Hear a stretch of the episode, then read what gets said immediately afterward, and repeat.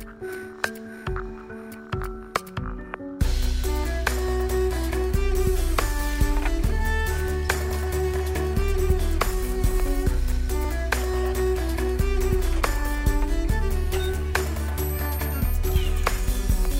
var vi i gang, folkens. Hjertelig velkommen, hjertelig velkommen til en ny episode av Nerve. Og jeg heter Tone Sabro, og det er en eh, stund siden sist, altså. Det er faktisk eh, gått eh, to uker nå. Forrige uke var jeg ja, la oss bare si at jeg var ikke i form til å lage en episode. Det, det ble litt mye, å, litt mye, å, be om, eh, faktisk. Eh, da endte det med at jeg rett og slett droppa det. Jeg prøver jo så godt jeg kan å få ut en episode hver uke, selv om det føles eh, litt Ja, noen ganger så føles det ikke bare umulig, men rett og slett ganske pinlig. For jeg jeg har jo en tendens til å dømme meg selv veldig veldig, veldig hardt. Så når jeg sitter og lager en episode som eh, for meg ikke er på langt nær bra nok, så blir jeg jo flau på, på mine egne vegne og tenker at herregud, for en taper eh, jeg er. For, for noe dritt jeg driver og lager. Så det, det, er ikke så hyggelig. Jeg prøver som regel å dytte det vekk og ignorere de stemmene så godt jeg kan, men uh, forrige uke ble det litt uh, det ble litt mye, rett og slett. Eh, jeg skal snakke litt om eh, om gårsdagen. Men eh, før jeg kommer til det, skal jeg gjøre en liten oppdatering med dere. Jeg har jo vært i denne prosessen en god stund med å bo litt her og litt der. Eh, dette huset som jeg og samboeren min eier sammen i Vennesla, eier vi jo sammen fortsatt. Han bor der eh, ja, stort sett kanskje 50% av tiden, mens jeg bor her i en leilighet i Oslo. Eh, og det ble jo sånn fordi at jeg rett og slett ikke kan bli boende i Vennesla. Det, det gikk ikke så bra for min mentale helse å bo der. Nå trives jeg veldig godt i denne leiligheten i Oslo, men det er klart at det er jo litt mer som skal til, da, dessverre, for å bli frisk, kan man si. Ehm, det hadde vært veldig fint om det var alt jeg trengte for å bli frisk i livet mitt, men, eh, å, flytte, eller, å bytte leilighet. Men det er dessverre ikke så enkelt. Ehm, men det er jo litt sånn eh, Det har jo vært, eh, har jo vært litt frem og tilbake i forhold til at jeg har vært folkeregistrert i Vennesla, sånn i, i adresse og sånn. Og så har jeg flyttet tilbake til Oslo nå i folkeregisteret også, og da skjer det jo en del prosesser eh, som går stort sett automatisk. Men det er jo dette med, med Nav og sånne ting. For, for, sånne som meg, som er helt avhengig av Nav, og som stadig er i en prosess hos Nav, eh, så, så, kan det by på en del utfordringer, dette å flytte til en annen kommune. For da blir jo saken min også flyttet plutselig til et nytt eh, kontor. Um, og jeg får en ny saksbehandler, og det er ikke måte på. Uh, og så er det dette med fastlege og litt sånne ting. og uh, det er en del ting man plutselig må ta tak i, som for kanskje mange ikke er så viktig, eller som ikke mange tenker så mye på. Det er ikke alle som er så mye hos legen sin. Um, det er ikke alle som uh, trenger å ha noe med Nav å gjøre. Men for meg så er disse tingene ganske viktige. Um, både hvem jeg har med å gjøre hos Nav, men også Eh, å ha en fastlege jeg kan forholde meg til eh, på en god måte, og som eh, tar meg på alvor.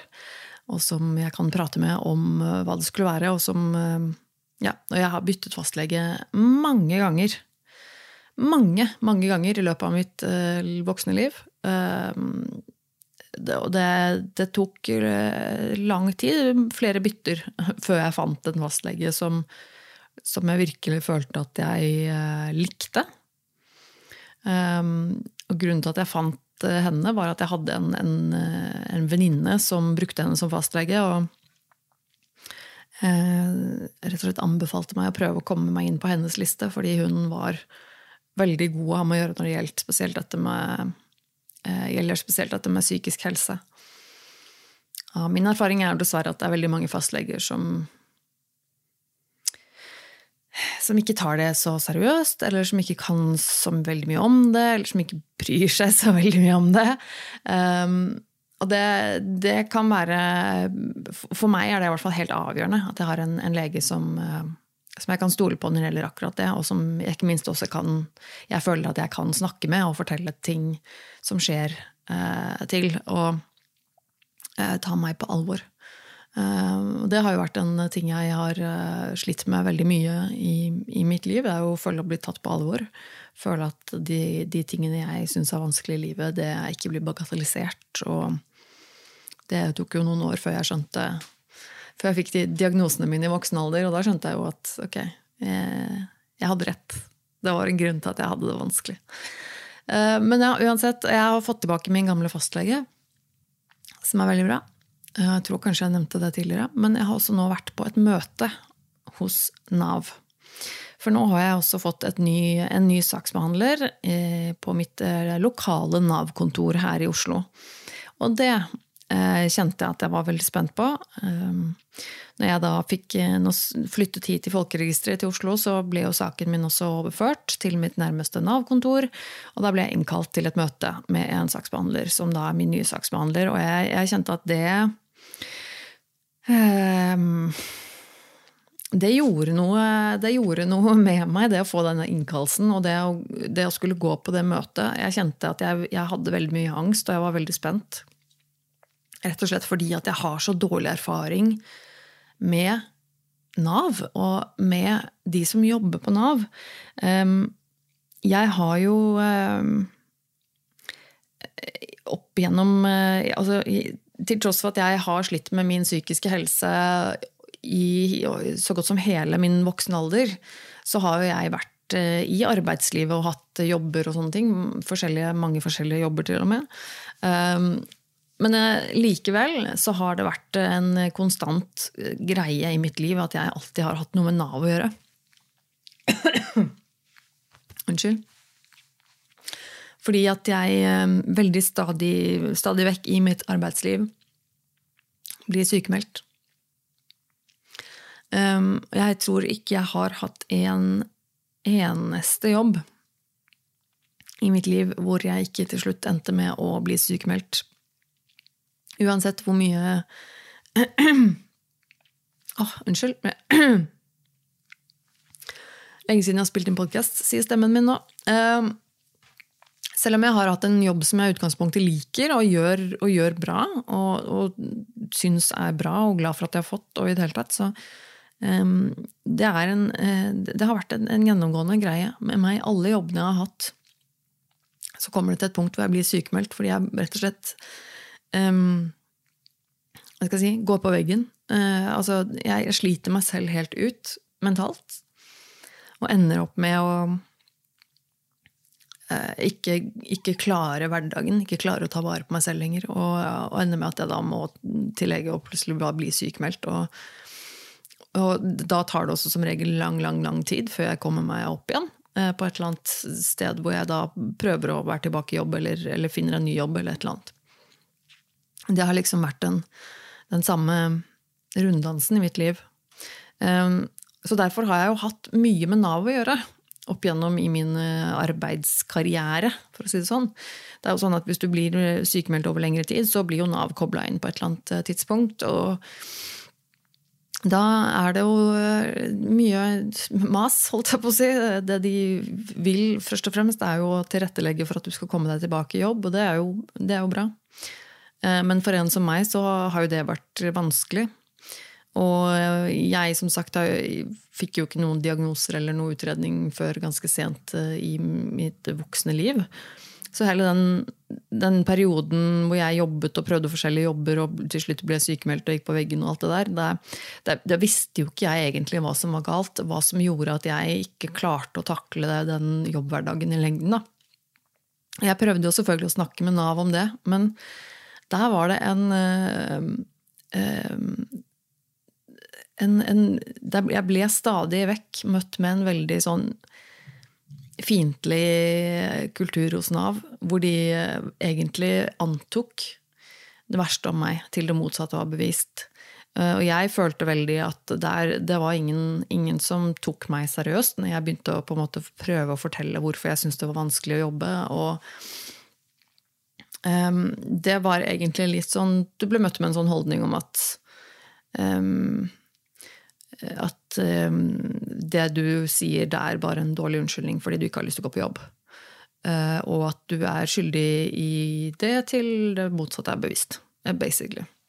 Uh, og har hatt flere rådgivere eller veiledere hos Nav som har vært utrolig frekke. Og utrolig Hatt en utrolig, utrolig kjip holdning. Som, som, jeg, som, jeg, jo nevnte også har vært en, en, ting som har vært vanskelig for meg i hele mitt liv, hele min oppvekst.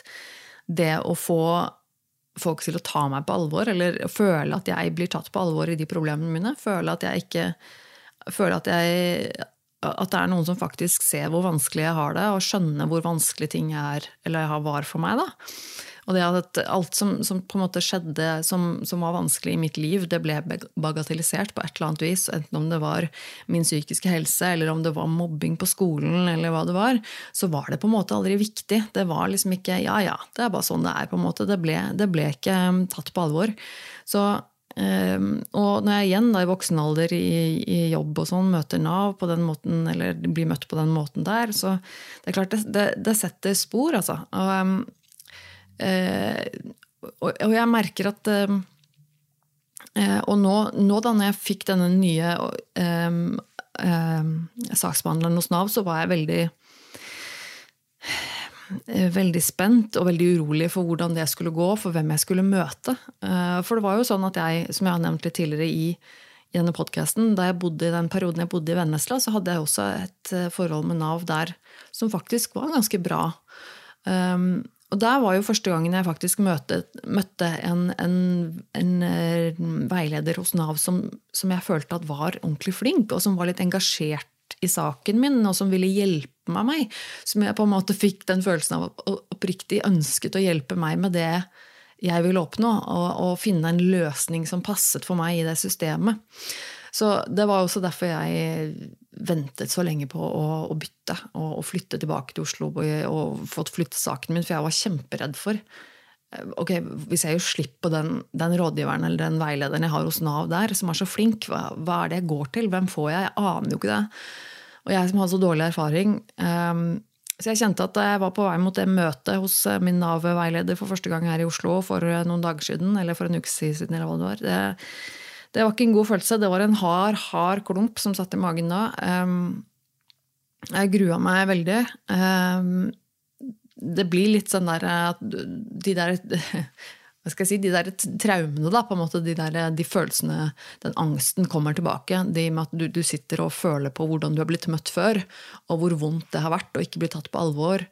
Eh, så du sitter hele tiden og, liksom, og, kjenner litt på de følelsene og forbereder deg på at nå kan det skje igjen. Og det er en utrolig ekkel følelse.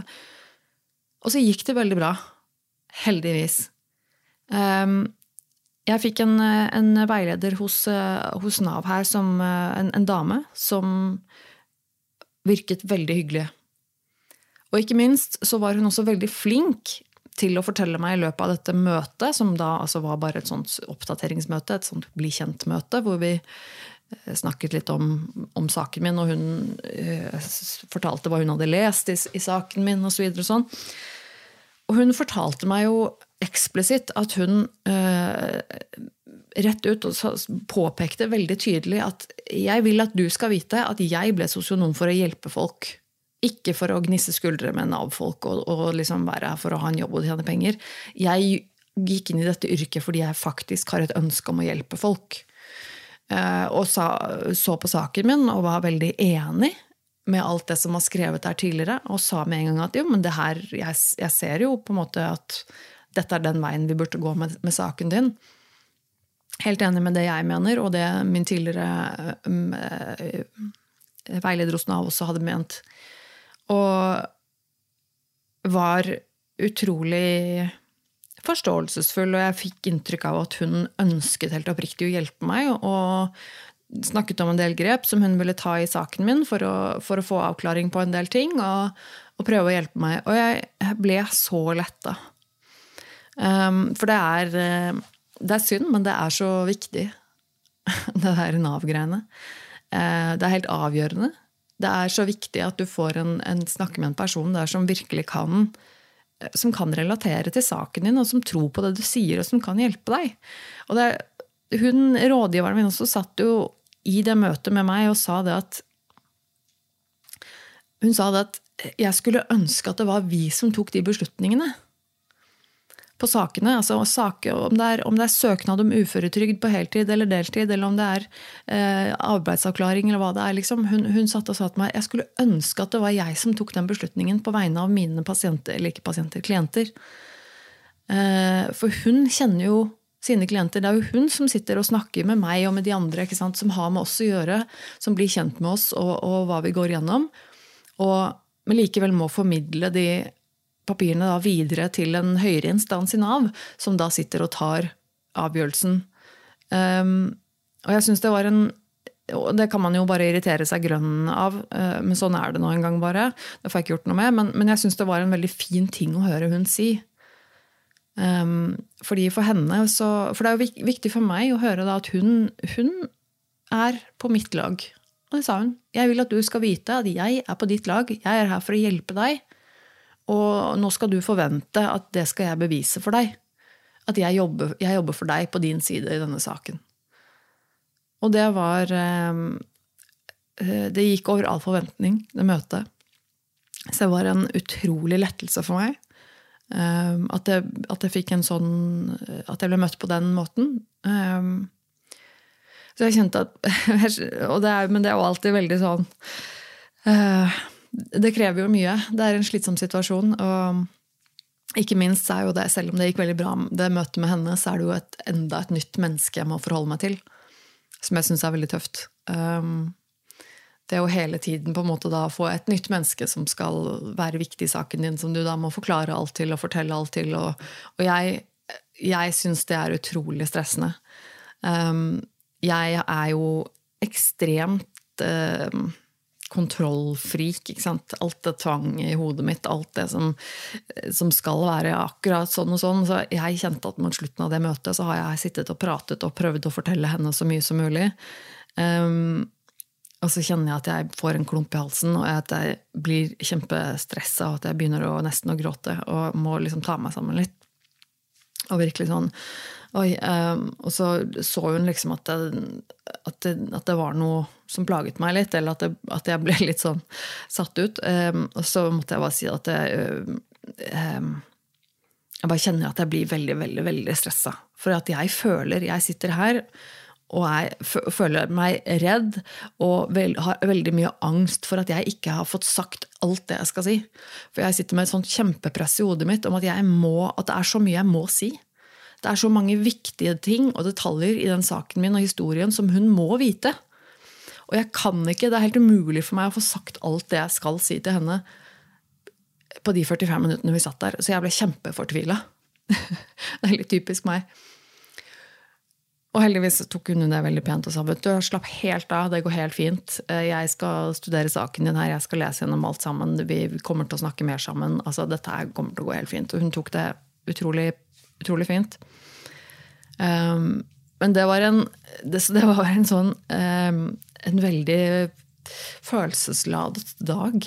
Um, en dag som, som, hvor på forhånd bygget seg opp veldig mye angst og spenning. Og, og så ble det en slags forløsning med at hun var så ålreit, og likevel så kom det så mange følelser etterpå, hvor jeg gikk derfra og, og gråt litt på veien hjem. Og måtte liksom tørke oh, et par tårer, for da var det mye som skulle ut. Eh, det ble mye følelser. Og jeg kjenner jo selv også da i en sånn situasjon hvor utrolig stramt det er inni meg. Eh, altså hvor, hvor stressa og hvor stramt og, og, og viktig og, og, angstete det her blir i hodet mitt. Det er ganske, det er ganske utrolig. Uh, men ja, som sagt, da så ble det Så ble det bra. Det gikk bra. Og jeg må jo også si at jeg, jeg håper jo at da enten, når det gjelder Nav, da, at jeg enten har hatt veldig uflaks tidligere. Ehm, eller at det har skjedd noe i Nav sine ikke, rekrutteringsprosesser, eller hvem som vil få jobber, eller hvem som tar hvilke jobber og sånn. Jeg vet ikke, men, men foreløpig så, så, har de i hvert fall de siste opplevelsene jeg har hatt med Nav, har vært veldig gode. Og de siste menneskene jeg har snakket med um, hos Nav, har vært gode. Um, gode mennesker. Um, og det, det gjør meg letta. Jeg håper jo selvfølgelig at det, at det ikke bare er jeg som har hatt flaks nylig, eh, men at det faktisk, eh, faktisk da kanskje har skjedd noe. Og, at, at, flere som meg blir møtt på den måten. Og det sa jeg også til henne, hun saksbehandleren på slutten. og Jeg tenkte jo at dette er, dette er viktig at jeg sier til henne. Så jeg sa jo det til henne også på slutten av møtet at jeg, du, takk for at du møtte meg på den måten. Jeg ble veldig letta. Um, og sa litt kort om hvordan jeg har opplevd andre i Nav før henne. Og, og det at måten hun sa ting på sånn, det, det, fortjente hun å høre en tilbakemelding på, for det er viktig. Og jeg håper hun også da møter andre på samme måte, og det var, veldig, en, det var en, god, en god samtale. Jeg ser også nå, nå, Mens jeg sitter her og spiller inn dette her, så livestreamer jeg det. Eh, som regel gjør jeg det på min eh, YouTube-kanal som heter eh, Nerve med Tone podkast. Um, så når jeg sitter og spiller inn hver uke en episode, så sitter jeg da og livestreamer det på nettet. Det blir også liggende på YouTube. Uh, så de som har lyst til å se eller høre denne podkasten på YouTube, kan gå inn og gjøre det i etterkant. Det som også er litt uh, gøy, da, er jo at det hender iblant at jeg har noen få som ser på live mens jeg spiller inn. Og her ser jeg at jeg har en, en fast uh, følgesvenn uh, som kaller seg Mr. Derp på YouTube, som stadig vekk er innom livestreamen min her. Det er veldig hyggelig. Og Apropos Nav, så ser jeg at han har nå kommentert hvor han skriver jeg later til å være én av de få som har hatt et helt uproblematisk forhold med Nav. Fra AAP til uføretrygd helt uten problemer tror ikke jeg har vært på et Nav-kontor mer enn fem ganger i mitt liv.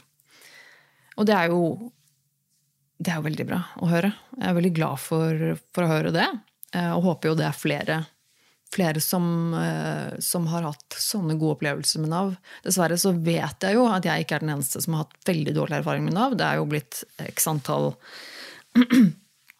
kronikker og avisartikler opp igjennom om eh, hvor, eh, hvor, vanskelig det er for folk med Nav og osv. Men, men ja, jeg, jeg, jeg, liksom, jeg, prøver å gripe litt tak i det her nå som er på en måte positivt, og kjenne at ok, kanskje, kanskje det går en, en, riktig vei nå. Kanskje, kanskje dette her er um, en, en, god endring jeg har gjort nå. Um, så vi får, vi får håpe det. Um, så det har vært en, en, god ting som har skjedd. Utenom det så har det vel ikke vært så fryktelig mye som har skjedd i mitt liv. Um, jeg har prøvd å ta vare på meg selv. Det er egentlig det jeg har gjort. Um, I en periode hvor man ikke har hatt det så veldig uh, greit med seg selv, så så prøver jeg desto hardere å, å være litt raus og god med meg selv og ta vare på meg selv. Og kanskje ikke stresse for mye med å gjøre ting som um, ja, som, som, blir tungt. Som f.eks. dessverre da kan være podkast eller andre typer ting som jeg egentlig liker. Men sånn er det. Um, men jeg skal ikke snakke kjempelenge om Eurovision, men jeg skal si noe om det. For det har jo vært Eurovision. Det er jo en ting som skjer eh, hver vår. Eh, Norge kaller vi det, det Melodi Grand Prix. Og så er det jo den vinneren av den norske Melodi Grand Prix som går videre til den internasjonale finalen, som kalles Eurovision.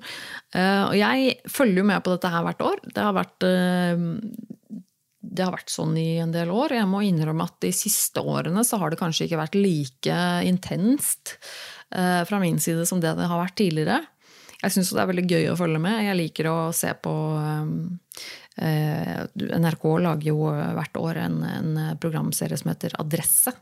Som da tar for seg alle låtene, og de synser litt og snakker litt om det. Jeg syns det er gøy å følge med litt på hva som kommer, og ikke minst selvfølgelig se på delfinalene i Eurovision. Og eh, altså utenom norske, selvfølgelig se på norske, men også eh, Eurovision, da.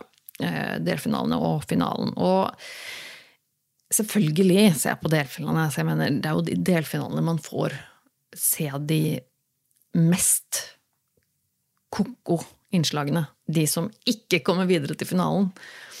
Eh, det er virkelig verdt å se i mange tilfeller. Eh, så jeg skjønner godt at kanskje folk er litt sånn Nei, jeg dropper det, jeg vil bare se finalen. Ja, ja, det er ikke så viktig, jeg får det med meg. Men det er litt sånn, ja eh, Du går glipp av noe, som regel ganske mye artige greier hvis du ikke ser på delfinalene. For det er der det rareste av det rare er. Og det, det koser jeg meg med, altså. Men det er litt sånn Jeg jeg vet jo at det er veldig mange som, eh, som liker Eurovision, men også som ikke bryr seg. Og som tenker at Eurovision er noe tull. Eh, at det er rett og slett bare, det er bare dårlig drittmusikk. Det er bare helt idiotisk. Det er et uh, sirkus. Helt uinteressant. Tullete greier. Det må folk få lov til å synes, men jeg må si jeg er helt, helt uenig. Det er For meg så Eh, er Eurovision en litt sånn eh, En litt sånn eh, pick me up, rett og slett, på vårparten. Ikke bare det at det er liksom vår, og nå kan jeg glede meg til sommeren, men også jeg vet at Det høres nå kanskje veldig sånn stort og pompøst og rart ut, men, men Eurovision er en, en, av veldig få ting som gjør at jeg får litt tro på menneskeheten. Um, og det er Eh, det som gjør at Eurovision gjør meg og alle andre og mange andre glade, er jo det at det er en, det er en inkludering som, som, man omtrent ikke ser noe annet sted. Eh, altså Eurovision Song Contest var jo noe som ble opprettet etter andre verdenskrig for å samle Europa veldig kort fortalt. Og det er jo det det går på. Det er jo på en måte det at vi i europeiske land skal kunne liksom enes om å gjøre en ting sammen. Eh, heie hverandre frem. Og, og, det som ikke minst er en så fantastisk ting med Eurovision, er jo at det er et uh, utrolig stort uh, LHBTQ-miljø innenfor Eurovision. Som jeg støtter helhjertet. Eh, og det er denne det er, preget av en slags frihet, fordi her er det plass til alle og enhver. Uansett hvordan du ser ut, eller hva slags musikk du liker eller lager. Eh, det er på en måte helt greit å ta den helt ut og være helt Helt, eh, helt deg selv, eller helt klovn, eller helt altså, Her har man alle sjangre. Fra heavy metal til den mest gråtkvalte ballade. Eh, og popsanger og alt mulig. Eh, og selvfølgelig så er jo ikke all musikken bra. Men sånn er det jo med alt. Det er ingen som, det er ingen som liker all musikk. Eh, og så er det jo også selvfølgelig morsommere og kulere og lettere å like musikken hvis du er litt engasjert i hele opplegget. Um, og så er det Jeg syns det er gøy å følge med, å følge med på tradisjoner. Jeg syns det er gøy å følge med på eh, historien i Eurovision. Eh, jeg husker jo at jeg, jeg så jo på Eurovision også da, jeg var liten, men da visste jeg jo egentlig ikke hva Eurovision var. Um, jeg visste at det var noe sånn, noe sånn musikkprogramgreier som jeg så på, som liksom mamma og pappa også hadde på, liksom, og vi så på hjemme, på en måte. Um, hvor jeg i senere liksom i voksen alder jo har, har klart å liksom koble det at det var Eurovision vi alltid så på. fordi at jeg kjenner jo igjen så mange av de låtene. Det er jo mange av de mest kjente Eurovision-låtene og Eurovision-vinnerne opp igjennom som faktisk er låter som vi har hørt, selv om du kanskje aldri har sett eller hørt Eurovision. Eh, og artister som du garantert har hørt om. altså Céline Dion, for eksempel, har vunnet Eurovision. Eh, og det er også låter jeg vet at jeg hørte, og som jeg senere har kommet på at Å ja, det var jo der! Det var jo Eurovision! Å ja, var det der jeg hørte den? Var det der jeg så den? Var det, det syns jeg er veldig gøy.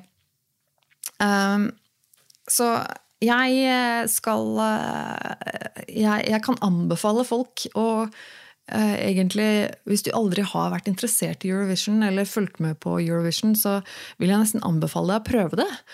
Eh, og du trenger ikke å trenger jo ikke å på en måte gå all in og sette deg inn i hele, holdt jeg på å si, hele verdenshistorien for å like det.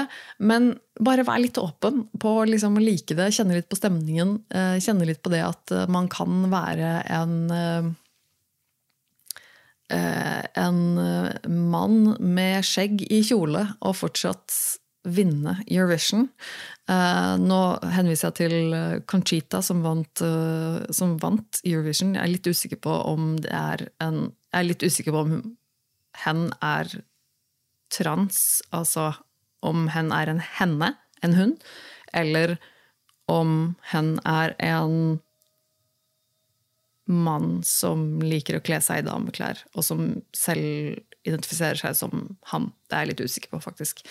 Men, så jeg sier hen. Uh, men bare det at hen vant, er helt fantastisk. At hen står der i en nydelig, stor, lang, uh, dramatisk kjole og synger med fullt skjegg og langt hår. Og hun er så vakker også. Utrolig nydelig. Uh, det er bare Eurovision sånne ting kan skje. og det er helt nydelig. Og det fantastiske showet som blir laget med alle mulige helt utrolige kostymer og um, ja, jeg, jeg, elsker det. Jeg syns det er kjempegøy. Det er en av få ting som jeg har som på en måte er hvert år som jeg kan glede meg til. Uh, som gir meg litt glede, og som, hvor du bare kan kjenne at her er det rom for alle. Her er det rom for å like hva du vil, hvem du vil. Uh, du kan være hvem du vil, du kan, du kan se ut som du vil. Alt, alt, er greit. Uh, og det syns jeg er helt fantastisk i en uh, ganske deprimerende og kjip verden som vi nå lever i for tiden. Så syns jeg det er et av få litt sånn fristeder, rett og slett. Uh, og så, ja, jeg er egentlig fornøyd med, med årets Eurovision. Jeg må si jeg er mer fornøyd enn på lenge. jeg likte jo fjorårets vinner òg, for så vidt. Det var ikke min favoritt. men i år så er jeg veldig fornøyd, fordi mine to favoritter kom på første- og andreplass. Uh, jeg heide på Sverige og Finland, og så var det Sverige og Finland som kom på første- og andreplass. Så jeg er veldig fornøyd. Eh, jeg må si det, det finske eh, Altså, svenske bidraget med Loreen er jo sikkert noe de fleste har hørt. Den er en helt åpenbar vinnerlåt. Utrolig bra gjennomført. Noe som de fleste kan like. Derimot, eh, Finland er vel kanskje litt mer diskutert. Jeg vet at eh, min, eh, min samboer og min bonusdatter liker ikke den låta i det hele tatt. Jeg elsker den. Jeg syns den er kjempekul. Um, Finland fikk meg virkelig til å smile i år og virkelig hoppe litt i sofaen og synge med på cha-cha-cha. Uh, på den helt crazy uh, finske metal uh, hva skal man kalle det? Hvilken sjanger er dette? Er det en egen sjanger? Jeg vet ikke hva det er engang. Den var i hvert fall dødsmorsom. Hvis du ikke har fått med deg det finske bidraget i Eurovision i år, så vil jeg anbefale deg å gå inn på YouTube og bare søke på Finland Eurovision 2023, og så finner du den. Og den har masse humor, er dritkul, utrolig fengende og morsom. Eh, bare Ja. Elsker det. Så jeg, jeg, jeg, er ganske fornøyd. Og det har vært eh, Selv om Eurovision i år var en ting jeg måtte se alene, så var det egentlig greit. Jeg har jo pleid å se Eurovision eh, sammen med samboeren min, og ja, jeg har jo aldri vært noe sånn festmenneske, så det er jo ikke sånn at jeg blir at det er noe sånn stor Eurovision-fest og sånn. Jeg drar den ikke helt dit. Men i år var samboeren min hjemme på Sørlandet, så jeg måtte faktisk sitte og se på Eurovision helt alene. I min lille leilighet i Oslo, men det gikk helt fint. Det var, eh, det var eh, Jeg koste meg. Jeg koste meg, rett og slett. Men Og så eh, Helt til slutt så skal jeg jo da inn på dette temaet som jeg nesten ikke kommer unna på 18. mai, som det jo er i dag. I dag, eh, mens jeg sitter og spiller inn dette, så er det 18. mai. Eh, og jeg er ganske Jeg er ganske lei av 17. mai.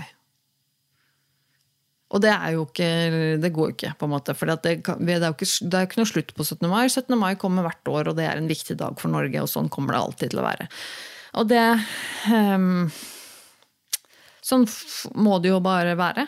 Uh, det er greit. Men jeg syns jo det er vanskelig å Jeg syns det er vanskelig å, være med på feiringen, jeg. Uh, rett og slett.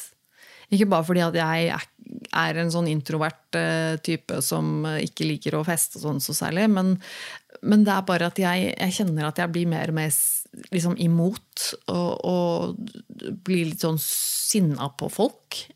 På hvordan 17. mai blir feiret eh, stadig vekk nå. Og jeg syns det bare blir verre og verre for hvert år. og jeg syns det er eh, jeg syns det er skikkelig jævlig, eh, for å si det rett ut. Eh, for de fleste så er det jo eh, vanlig å feire 17. mai på et eller annet vis, vil jeg jo tro. Enten om man gjør det på en champagnefrokost med kompiser og venninner, eller om man gjør det med familien og sånn, så er det liksom kanskje noen som går i tog hvis man har barn osv. Opp tidlig om morgenen. Uh, se på toget, barnetoget, et eller annet. Få i seg noe frokost. Sikkert bøttevis med champagne for noen. Og så er det jo det å feire hele dagen. gjerne gå litt, være litt ute, spise masse pølser, spise masse is. og feire, enten om det er på et utested, restaurant, og hjemme hos noen og grille, hva det er. Det er jo Et eller annet sånt gjør jo som regel folk. Um, jeg er eh, ikke helt der.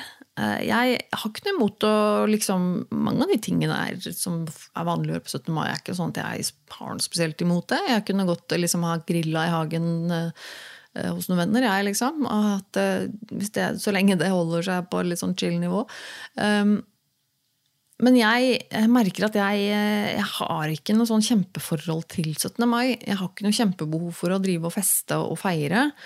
Um, så de siste årene liksom sånn i voksen alder så har jeg vel egentlig bare gjort ingenting. Jeg tror jeg har tatt det mer eller mindre som en slags fridag. Og så har jeg hatt, eh, hatt en, eh, en, tanke om at jeg prøver å få ta meg en tur ut på et eller annet tidspunkt. Altså da, da mener jeg ikke ut på byen, da mener jeg ut, ut av huset.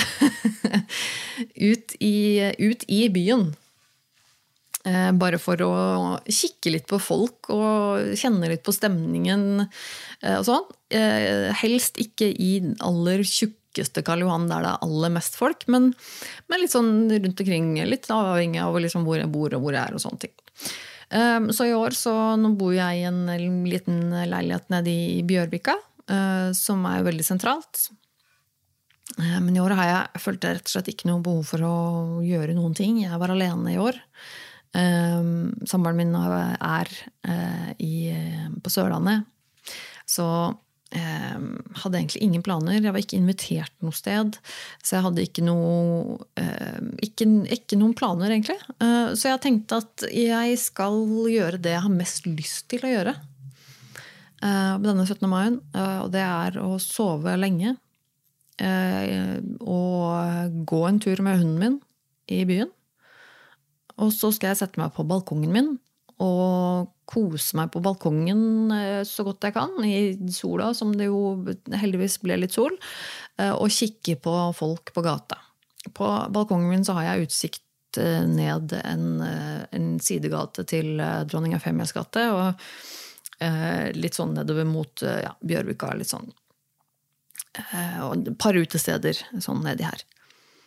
Eh, og det, det, tusler folk forbi stadig vekk, og det er litt sånn hyggelig sted å sitte og kikke på folk.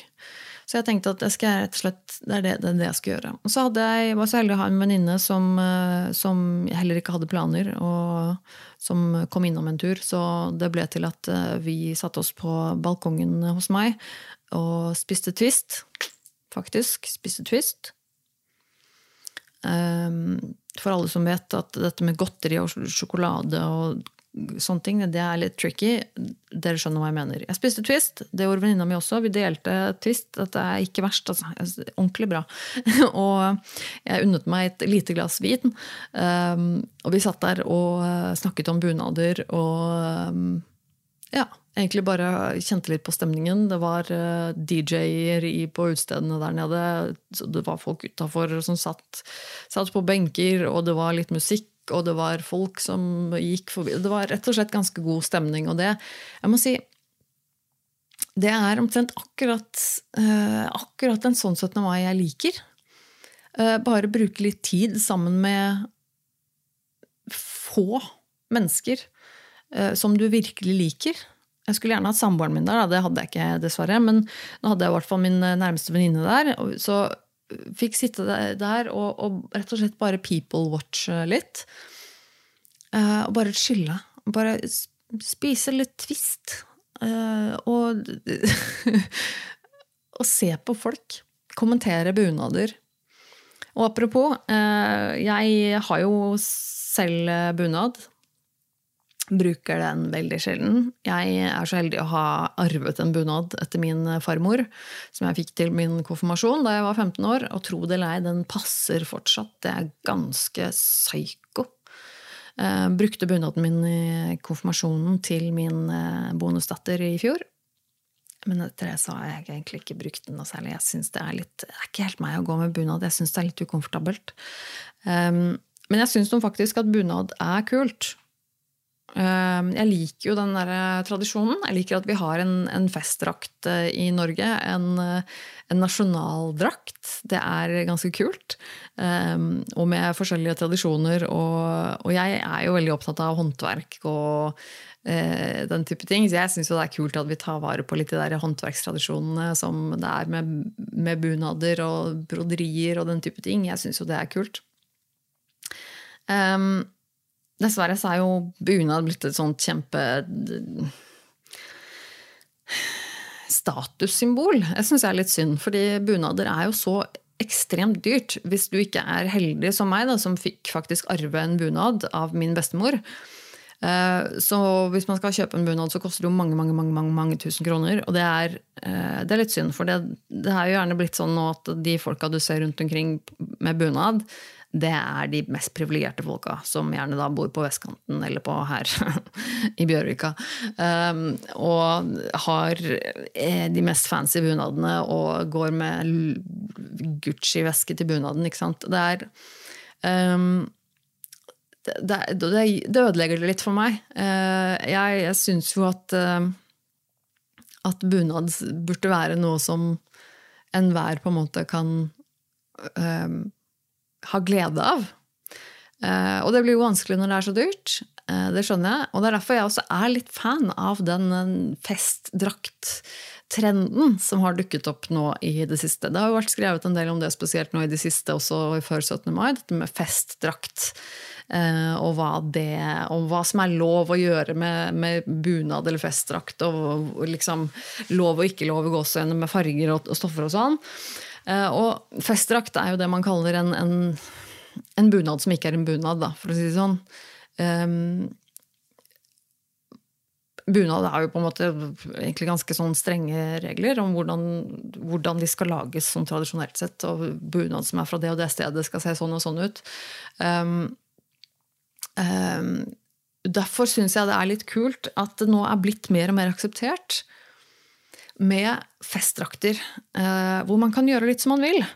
Eh, hvor man kan lage en bunad i gåseøyne, da, eller kall det bunad om du vil, eh, som ser litt ut som det, det du vil. Av farger, tekstiler og mønstre. Og jeg syns det er utrolig kult at man kan egentlig gjøre litt som man vil. Ta og ja, lage, gjøre om en tradisjon som nå er blitt nesten uoppnåelig for vanlige mennesker å ha, ha råd til. Altså å kjøpe en bunad. Um, men nå kan man få, få, laget en festdrakt som i og for seg ser ut som en bunad, men som strengt tatt liksom ikke er en ekte bunad. Uh, og så gjøre sin vri på det. Det er jo kjempekult. Uh, og jeg må, jeg må si jeg, jeg syns det, uh, jeg, jeg synes det er litt stas. Og for meg så, så trenger det liksom ikke å være enten-eller. Jeg synes jo det kan, det kan, være plass til begge deler. Uh, selvfølgelig så, uh, så, skulle jeg ønske at liksom, bunad, en ordentlig på en måte tradisjonell bunad, var billigere, og at folk at, at, de som hadde lyst på det, kunne lettere få tak i det. Men på den annen side så er det på en måte lett å forstå også at det er, det er ikke noe som på en veldig enkel måte kan gjøres til en billig penge. Eh, det er jo blitt eh, håndverkstradisjoner som ikke mange driver med lenger. Eh, som er kostbare i materiale og tid å lage osv. Og, så og når det er få som gjør det, så får de få Eh, mye å gjøre, og det blir høy etterspørsel, og eh, prisene går opp osv. Det er jo gjerne sånn det, sånn det blir eh, med sånne ting. Så det kan man på en måte forstå. Men derfor syns jeg det er fint at det, at det fins noe som heter festdrakt, eller stakk. Det at folk kan på en måte lage litt sin egen vri på ting. Sine egne farger, tekstile mønstre. Og jeg har sett utrolig mange kule bilder Eh, på Instagram sånn, f.eks. Folk legger ut bilder av sin egen eh, type stakk eller, eh, eller festdrakt som de har fått laget selv eller, eller kjøpt, som er dritkule. Jeg fikk en kommentar her, så jeg, fra Mr. Derp, som skriver at at han hadde sett Linnea Myhre i en veldig knæsj eh, rosa bunad. Han skriver eh, Nå forsvant den kommentaren eh, her. Men eh, jeg så han skrev kan man lage bunad etter eget ønske. Så, en, eh, så et bilde av Melinia Myhre i en knæsj rosa bunad. Og eh, så vidt jeg vet, så er den bunaden som Linnea Myhre har på seg, er en bunad. Jeg tror det er altså hun hadde en, en hvit eller sånn kremhvit bunad. Og så hadde hun en eh, rosa, blomstrete bunadskjorte. Eh, veldig, veldig kult. Utrolig annerledes og tøft. Um, og jeg, så vidt jeg skjønte, så er den bunaden en ekte ekte bunad. Altså en, en, en, bunad, ikke en festdrakt. Eh, litt usikker på hva slags bunad det var, men jeg lurer på om det da er eh, at hun har valgt en bunad eh, fordi enkelte bunader er jo på en måte eh, kommer i forskjellige farger. For eksempel eh, min, den bunaden som jeg har, som er Gudbrandsdal-bunad, den kommer enten i mørkeblå eller i svart. Uh, og så kan jeg tenke meg at den bunaden hun har, er vel kanskje noe som kommer i flere farger, og så har hun valgt å ha den i hvit, eller sånn kremhvit. Og så har hun uh, et, uh, fått laget en, en rosa bunadsskjorte med, med litt sånn blomstrete mønster på. og det er veldig, veldig kult. Jeg, jeg syns det var dødsgøy å se en så annerledes bunad. jeg syns det, det, er kjempekult. Jeg all for it. Uh, og det gjør at man på en måte At en sånn type tradisjon, uh, en sånn type gammel norsk tradisjon, kan på en måte leve litt videre, selv om den er blitt så vanskelig og uoppnåelig for så mange av oss med tanke på pris og sånn. Så det er jeg helt for. Um, men det jeg syns er vanskelig, eller kjipt, med 17. mai, som også virkelig kommer til syne, eh, det er jo at eh, jeg føler ikke at, at 17. mai er Norges nasjonaldag. At det handler om å feire Norge lenger. Det handler om å drikke mest mulig alkohol. Og jeg syns det er helt for jævlig eh, bedritent, sånn som veldig mange oppfører seg på 17. mai. Eh, det handler om å drikke mest mulig, det handler om å feste hardest. Det handler om å begynne tidligst med champagne og hvem vet hva mer. For å drikke alkohol hele dagen, og for å ende opp så drita på enden av dagen at du ikke kan stå på beina. Eh, det er helt for jævlig, syns jeg. Eh, og spesielt også med tanke på at 17. mai skal jo være en, en familievennlig dag. En dag som skal være egentlig kanskje først og fremst for barna. Det er jo stort fokus på barnetog og det at eh, barna skal få feire og spise pølse og is, og det er eh, potetkasting og eller jeg vet ikke hva, disse er, disse lekene og sånn.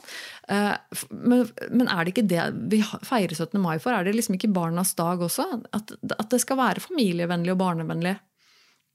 Og det er det jo overhodet ikke når det er så mye drita mennesker, drita voksne, som går rundt og rave rundt i gatene.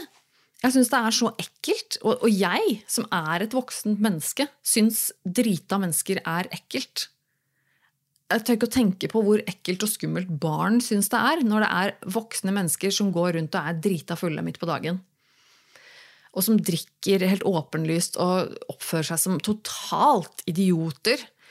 Og nå ble det nok eh, kanskje litt verre i år, som det spekuleres i hos politiet, og sånn, fordi at det rett og slett i dag er en helligdag. Eh, eh, himmelspretten i dag, 18. mai. Eh, det er jo ikke hvert år. Eh, det er en helligdag den 18. mai, og det gjør nok ting selvfølgelig litt verre. Det gjør at folk kanskje drikker litt mer på 17. mai fordi at de har fri i morgen osv. Men fy fader, jeg syns det er helt utrolig hvor jævlig det går an å oppføre seg eh, som et voksent menneske i vårt land på 17. mai. Eh, jeg i går eh, gikk tur med hunden min. Eh, da var klokken Klokka var rundt tre-fire på ettermiddagen. Så går jeg bortover langs gangveien her i nærheten. Og så kommer det en, en helt tydelig drita full type Eh, en ganske ung mann. Eh, han er vel sikkert i 20-årene, maks 30, liksom. I dress. Er ravende dritings, går helt alene. Eh, og har Har nettopp, eller skal, tisse. For han har da Heldigvis så hang ikke alt utstyret hans utafor klærne, men han hadde jo åpna buksa si og drev og surra seg bortover på fortauet der eh, med eh, beltet slengende og drev og styra med, eh, med buksesmekken og kunne omtrent ikke gå på beina. Og det er så jævlig tragisk. Og jeg, jeg Jeg mener ikke å liksom dømme alle som har problemer med alkohol, og sånn for jeg vet at det finnes mennesker som helt oppriktig har et, et problem med alkohol. Men det er ikke de menneskene jeg snakker om nå. Nå snakker jeg om de menneskene som med viten og vilje drikker seg så drita på 17. mai. Og som går rundt midt på dagen og er så drita fulle at de ikke kan stå på beina. Og så blir det jo bare verre og verre i løpet av dagen. Eh, jeg så jo etter hvert i går og i dag eh, artikler som er skrevet i avisen om hvor mye politiet og ambulanse hadde å gjøre i går. Eh, i løpet av kvelden og natten.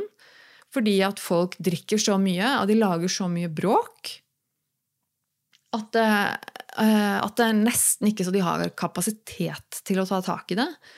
Og ikke bare det, men også dukker det opp artikler som, hvor det står om at eh, politiet rykket ut til et, Lurer på om det var her borte på Oslo S, hvor de hadde måttet ta tak i en slåsskamp hvor mindreårige hadde begynt å slåss, som også var drita fulle. Altså mindreårige som var drita fulle.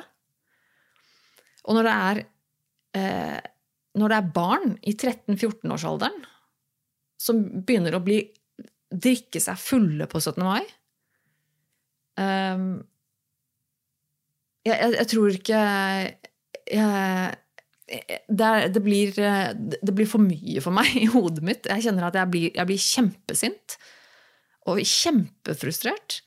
Og jeg fatter ikke hva er det som skjer med folk i dette landet her. Eh, hva, hva, hva, er det her for slags voksne? Og det her er ikke barna sin skyld. Det er jo vi voksne som må ta ansvar for, for, for, hva vi lærer barna våre at det er ok. Hva slags drikkekultur barna våre skal vokse opp i.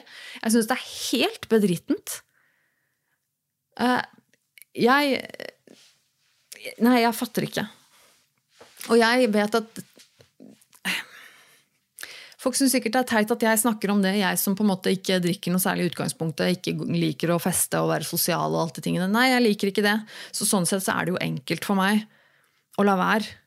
Men likevel, du må faktisk kunne ta deg sammen, altså.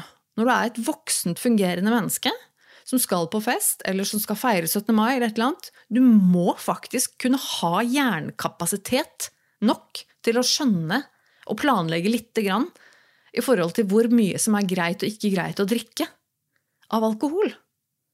Du må faktisk kunne ta ansvar når du er et voksent menneske, og ikke oppføre deg på den måten der. Og jeg, jeg, jeg kjenner at det, det er bare Det fins ingen unnskyldning i min bok for å, for å, holde på sånn. Ikke bare han fyren som raver rundt på altså, han, Så vidt jeg vet, så har ikke han gjort noen noe galt. Han som ravet rundt på fortauet med buksa nede, liksom. Men, men han forstyrra jo meg. Jeg syntes det var dritekkelt. Jeg, jeg syntes det var skikkelig ubehagelig å se han og gå forbi han og bare ok, wow, øh, vær så snill, liksom. Og folk som sto utafor her, utafor min leilighet her i går kveld og skriker og roper fordi de er drita fulle og står og krangler om en eller annen dame. Folk som står på balkongen uh, rett ovenfor her og skriker uh, til hverandre at, uh, at Jeg orker ikke at du skal stå her og ringe på i natt, er det forstått? Og begynner å krangle. Og det er fordi de er drita fulle. og det er, det er, altså så motbydelig oppførsel. Jeg syns det er Jeg syns det er flaut. Jeg syns det er skikkelig, skikkelig flaut. Um, og, jeg Nei, altså jeg liker ikke å, å, å drikke. Jeg, altså Misforstå meg rett, jeg drikker litt av og til. Jeg snakker om ett eller to glass vin. Det kan jeg ta, liksom. Det liker jeg. Men jeg liker ikke å være berusa. Jeg liker ikke å bli full. Eh, hvis jeg en sjelden gang har spist veldig lite, drikker akkurat så mye at jeg kjenner at shit, nå har jeg drukket litt for mye, da stopper jeg umiddelbart. Det er en ting. Men også, jeg liker ikke den følelsen. Jeg liker ikke den følelsen jeg, av å kjenne at shit, nå er jeg brusa. Nå, nå begynner jeg liksom å bli litt surrete i hodet. Jeg syns det er dødsekkelt. Og det er meg. Jeg skjønner at det er Eller eh, jeg, jeg, jeg, fatter at det er andre mennesker som liker den følelsen. Som liker følelsen av å være beruset. Det er ikke noe jeg kan gjøre noe med. Det er, ikke, det er bare sånn det er. Men det betyr ikke at du ikke kan ta ansvar likevel selv om du liker å bli berusa, fucking ta opp for deg ordentlig. Ta litt ansvar for den du er. Du er et voksen menneske som har fått tak i alkohol. Alkohol er en gift. Det er giftstoffer du eh, putter i munnen din. Og er en del av en, en forkastelig drikkekultur som vi har i dette landet. her. Jeg syns det er helt for jævlig. Eh, og det er selvfølgelig 17. mai er litt spesielt, og det var litt spesielt i år pga. fri 18. mai osv. Ja, jeg skjønner det. Men dette er ikke noe uvanlig. Det er ikke sånn at dette her ikke er noe som skjer hver eneste helg. Altså Ja, så var det mer ekstremt i går. Og det bare setter en sånn liten cherry on top på hvor jævlige ting er, liksom. Men det her, jeg syns drikkekulturen vår i Norge er helt forkastelig. Og ja, selvfølgelig fins det andre land og steder også med, med fæl drikkekultur. Og ja, men her i Norge er vi skikkelig ræva på akkurat det der å ta sammen altså, når det gjelder drikking. Vi drikker så jævlig mye alkohol. Det er, det er, det er ekkelt. Jeg syns det er ekkelt, og jeg syns det er jeg synes det er forkastelig at f.eks. For jeg som ikke er så glad i å drikke, og andre som ikke er så glad i å drikke, kan for en gangs skyld gå på en fest da, og si at 'nei, men jeg drikker ikke', og så blir du sett rart på. Så blir du dømt nord og ned og nesten mobba fordi du ikke drikker.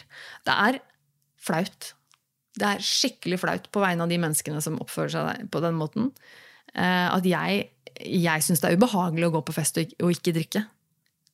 Fordi at jeg vet at folk spør, folk kommenterer, og folk blir sånn 'Drikker du ikke?' 'Å nei, hvorfor det? Er du gravid, eller er du, er du liksom, har du hvit måned?' Eller sånn. Kan jeg ikke ha en fucking, Må jeg ha en skikkelig skikkelig god grunn liksom, for ikke å drikke alkohol? Fordi jeg, jeg, har ikke lyst på alkohol. Jeg er et smart, oppegående menneske som ikke putter i meg gift. Er det veldig veldig rart? Altså, Det er så absurd. Uh, og at nei, da må du være gravid eller et eller annet, liksom. Uh, ja, det frustrerer meg. Uh, kanskje den var ganske tydelig nå, at det er litt frustrert. En rant her, vær så god, da fikk du en rant av meg. Um, nei, men i hvert fall sånn i dag. Um, så, og dagen derpå, liksom, 18. mai, det er helt forkastelig. Og når du går ut og ser også Bare sånne, sånne småting som at folk driver og knuser flasker på bakken og sånn. Jeg hater det. Hvorfor? Og så først er Forsøpling og sånn er en ting, ja, men det er fuckings glasskår på bakken. Jeg går ikke barbeint, men det gjør hunden min. Og barn som plukker opp ting. Og så er det sånn Det ligger fuckings glass på bakken. Er det nødvendig? Nei. Strengt unødvendig å holde på å oppføre seg sånn. Folk må ta seg sammen. Um, ja, det var min rant. um, altså jeg, jeg, trenger ikke jeg, jeg, trenger ikke forsvare ranten min engang, fordi at det er helt, helt åpenbart for oss alle sammen hvor jævlig alkohol er for samfunnet vårt. Hvor mye dritt som skjer i samfunnet vårt pga. alkohol. Det er helt åpenbart, og det er ikke noe jeg trenger å fortelle deg engang, for det bør du vite. Og, det, og da skulle ha en jævla god unnskyldning for ikke å drikke. Det er bare helt så hårreisende dårlig. Uh, ja, nei, så jepp, det, det, der, var, der kom den. Der var min rant. Uh, og nå har jeg hatt så mye streamingproblemer med den forbønna for, forbønna streamingtjenesten min her, at jeg har måttet eh, lage denne her i tre deler på YouTube. Så nå skal jeg faktisk ta og runde av før jeg må opprette del nummer fire. og klikker helt her. Nei, så ja. Det får bli, det får bli min denne ukas rant fra, fra min side. Eh, hvis du har lyst til å sende meg en mail, så gjør gjerne det på nervemetone at gmail.com. Um, der mottar jeg med glede eh, historier og tanker og eh, bare korte tilbakemeldinger eller lange tilbakemeldinger fra det. Jeg syns det er kjempehyggelig. Uh, så, hvis du vil gjøre det litt enkelt, så kan du nå meg i sosiale medier. Uh, da heter jeg Tone Sabro i forskjellige kanaler. Eller så hvis du vil ha noe, finne meg i forbindelse med denne podkasten, så heter denne podkasten uh, Nerve med Tone på Instagram og Facebook. Tja Var det noe mer da? gå gjerne inn på YouTube også. og søk opp navnet mitt der for å støtte kanalene, kanalene mine. Um, det setter jeg veldig stor pris på, dere som følger meg eh, på YouTube og som liker og sånne ting. fordi det koster dere ingenting, men det hjelper meg ganske mye. Så setter pris på det. Uansett hvem du er, jeg setter pris på at du hører på, eh, eller at du ser på på YouTube. Um, så får vi se om jeg er tilbake neste uke. Jeg skal prøve så godt jeg kan å få ut en, noen tanker neste uke også. Så får du ta vare på deg selv så lenge So høres vi.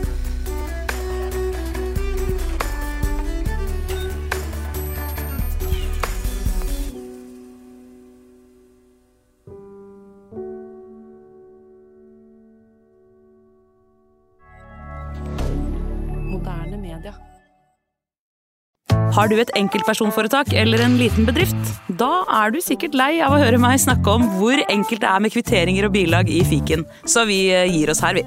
Fordi vi liker enkelt. Fiken superenkelt regnskap.